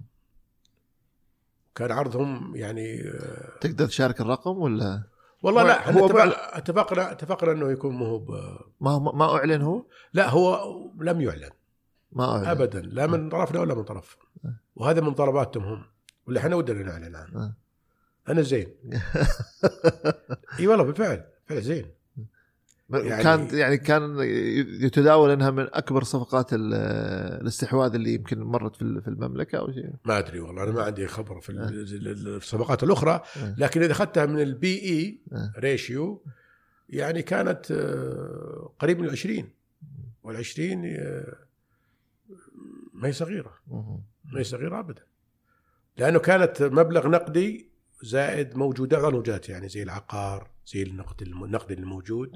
إلى فترة معينة هذا يعا- يعاد للبائعين هو كل شيء حتى المصانع حتى ال- كل شيء كل شيء من اي تو زي. وكانت الحمد لله يعني حتى واحد من الشركاء الآخرين باع معنا لما شاف المبلغ زين باع آه. والثاني الظاهر ما أدري متى باع يعني بس إنه باع كلهم تخارجوا يعني كلهم تخرجوا من ال- إيه. الحين بالكامل كانت مملوكة صارت مملوكة لهذا ال consortium للثنتين ذولي نعم أوكي نعم. طيب آه، آخر آخر نقطة عندنا وآخر سؤال قضية ال- ال- الحوكمة الداخلية في في في كودو يعني متى بدأتوها؟ متى بدأتوا تفكرون في موضوع الحوكمة؟ كيف خدمتكم؟ إيش إيش يعني إيش تحب لو سألتني عن الكلمة هذه قبل كم سنة ما أعرف وش هي. آه. لكن هي تتكلم على الرقابة إيه. الداخلية الرقابة الخارجية ال KPIs ذي. هذه كلها من ال آه، إحنا من من يعني خل أقول لك من عام 92 ميلادي لم يكن قبل وقعنا مع المدقق خارجي. تدقيق وطلع آه ميزانيات 92 يعني يعتبر من البدايات إيه من البدايات وبعدين في عام 95 غيرنا من من كان طلال أبو غزال هذيك الأيام إلى آه آه الجريد والجريد اللي هو آرثر أندرسون ذيك الأيام اللي هو. الآن برايس ووتر هاوس. وجلسنا معهم لين ما تخلصنا. أوكي. هم المدقق ال- الداخلي الشركة. هم نعمل عمليات ال ال دراسات داخلية. نجيب مستشاريين أحيانا يعطونا بعض الآراء بعض الأشياء. ال- هناك internal auditor جبناه في الأخير جبناه يمكن في عام 2004 مدقق داخلي. آه، طبقنا موضوع ال KPIs 2010 لأنه كان علم حديث ذيك الأيام. ال- آه، الإفصاح مهم سواء للشركاء أو آه، للجهات الحكومية الخارجية. ف أنا أعتقد إنه إنه تطور موضوع ال- الرقابات والتدقيق والإفصاح والشفافية يعني على مراحل. هل هذا الجواب هو اللي أنت ممتاز نعم. هو اللي هو اللي كان في آه، أنا قصدي إنه كل ما كبرت الشركة كل ما يعني توسعت أعمالها كل ما كل ما احتاجت أكثر إنه يكون في مثلا أنظمة أكثر انضباط داخل الشركة تحكم أنا بقول لك يعني تحكم ال إحنا من الشركات اللي أول من طبق يمكن في المطاعم Oracle. مثلا ERP. بدأنا فيه لأنه كانت كبرت أعمالنا. ولازم إنه ال software اللي عندك تطوره. بحيث يتماشى تربط الفروع بال head office. أوكي. بحيث أي ريال يدخل في أي فرع من ال من ترا من الخفجي إلى القريات متى- متى- متى دخلتوا هذا؟ بدأنا فعليا أول عقد في عام 2000 أوكي. التنفيذ الفعلي لأنها آلية كبيرة. كان عندنا فروع تزيد. فال point of sales اللي هي ال cash registers اللي يحط في المطعم مربوطة بال server الرئيسي داخل المبنى الرئيسي هناك. it's process كبيرة خطوات كبيرة. فوقعنا مع Oracle ووقعنا مع IBM على ذولي ال hardware وذولي ال software عشان تدرب موظفينك والمقاومة الداخلية تصير موجودة لأنهم تغيير. على شيء بيغيرونه إيه، ما إيه، هذه. استمرينا.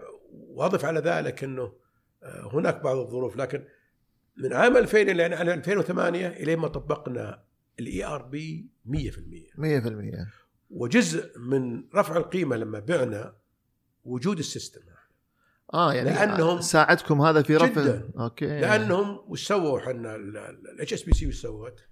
سوت اللي يسمونها virtual room وش virtual room؟ it's software. أي بدر هم قسموا مراحل ال ال ال ال تقديم العروض إلى مراحل المرحلة الأولى اللي هي المعلومات الأولية عن الشركة مم. بعدين اللي اللي يصفي من مرحلة معينة يبدأ عليه يأخذ معلومات إضافية.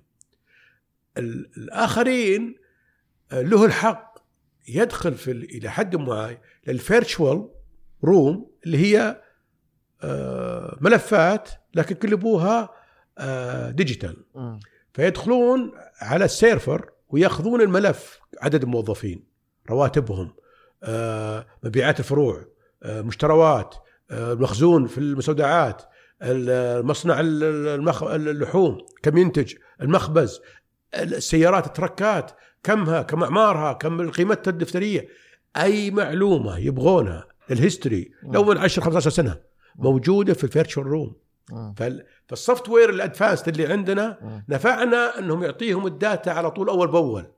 فهذه من ضمن الأشياء اللي رفعت قيمه الشركة أنها already البنية التحتية لل digitalize موجودة فصح ان صرفنا فلوس كثيرة عليه ملايين. لكنها نفعتنا تسوى. ها بس تسوى يعني جابت نتيجه غير غير البيعة بعد نفعتنا إحنا في التواصل. يعني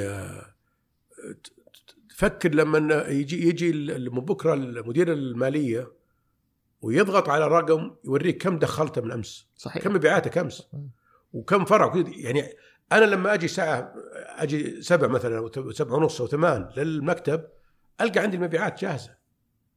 لو فرع من يعني كان ذيك الأيام وش؟ يعني تتكلم على آه، كودو مع الخفيف مع كانو ذي آه، ومع المخبز مبيعاته. يعني تتكلم فوق ال 400 آه، آه، 400 وأكثر والله. هذه تجيك لستة كاملة كم بعته أمس يعني ما تمت 24 ساعة. وأنت عارف كم. آه وجود ال- الأنظمة هذه طبعا plus plus plus plus أكيد. إحنا وصلنا ل يعني نهاية هذا اللقاء الجميل. مع إني يعني أنا ما زالت عندي أسئلة كثيرة ودي لكن الوقت طبعا ما ودنا ناخذ أكثر من كذا وقتكم الثمين لكن أنا طبعا بخلي على قولتهم ال- المساحة الأخيرة لك أنت. أي شيء تحب تضيفه أي شيء تبغى تقوله أي يعني آه، معلومة أو يعني أي حاجة تبغى تقولها للشباب ال- المساحة هذه لك. أول شيء أشكرك. يعني أنت ما شاء الله يعني اعطيتني فرصه اني أتكلم عن شيء في جانب عاطفي في جانب تاريخي في جانب آه، يلمس يعني بالفعل آه، أوتار داخلية عندي آه، كودو بالنسبة لي رحلة آه، متعبة و- وجميلة و- وعشق و27 سنة يعني عملتها كبنتي. تركه لم يكن سهل كان صعب. بصرف النظر عن الجانب المالي وعسى أن تكرهوا شيئا وهو خير لكم. آه، تمنياتي للمشترين زي ما قلت لهم قبل آه، حتى الآن كم لنا؟ لأن خ- المس خمس سنوات بنتم. أتمنى أنهم للأحسن والأحسن لأنه brand آه، بصرف النظر انه نقول سعودي لكنه brand يستاهل انه يكون بجانب ال other brands. ال- أتمنى لهم التوفيق.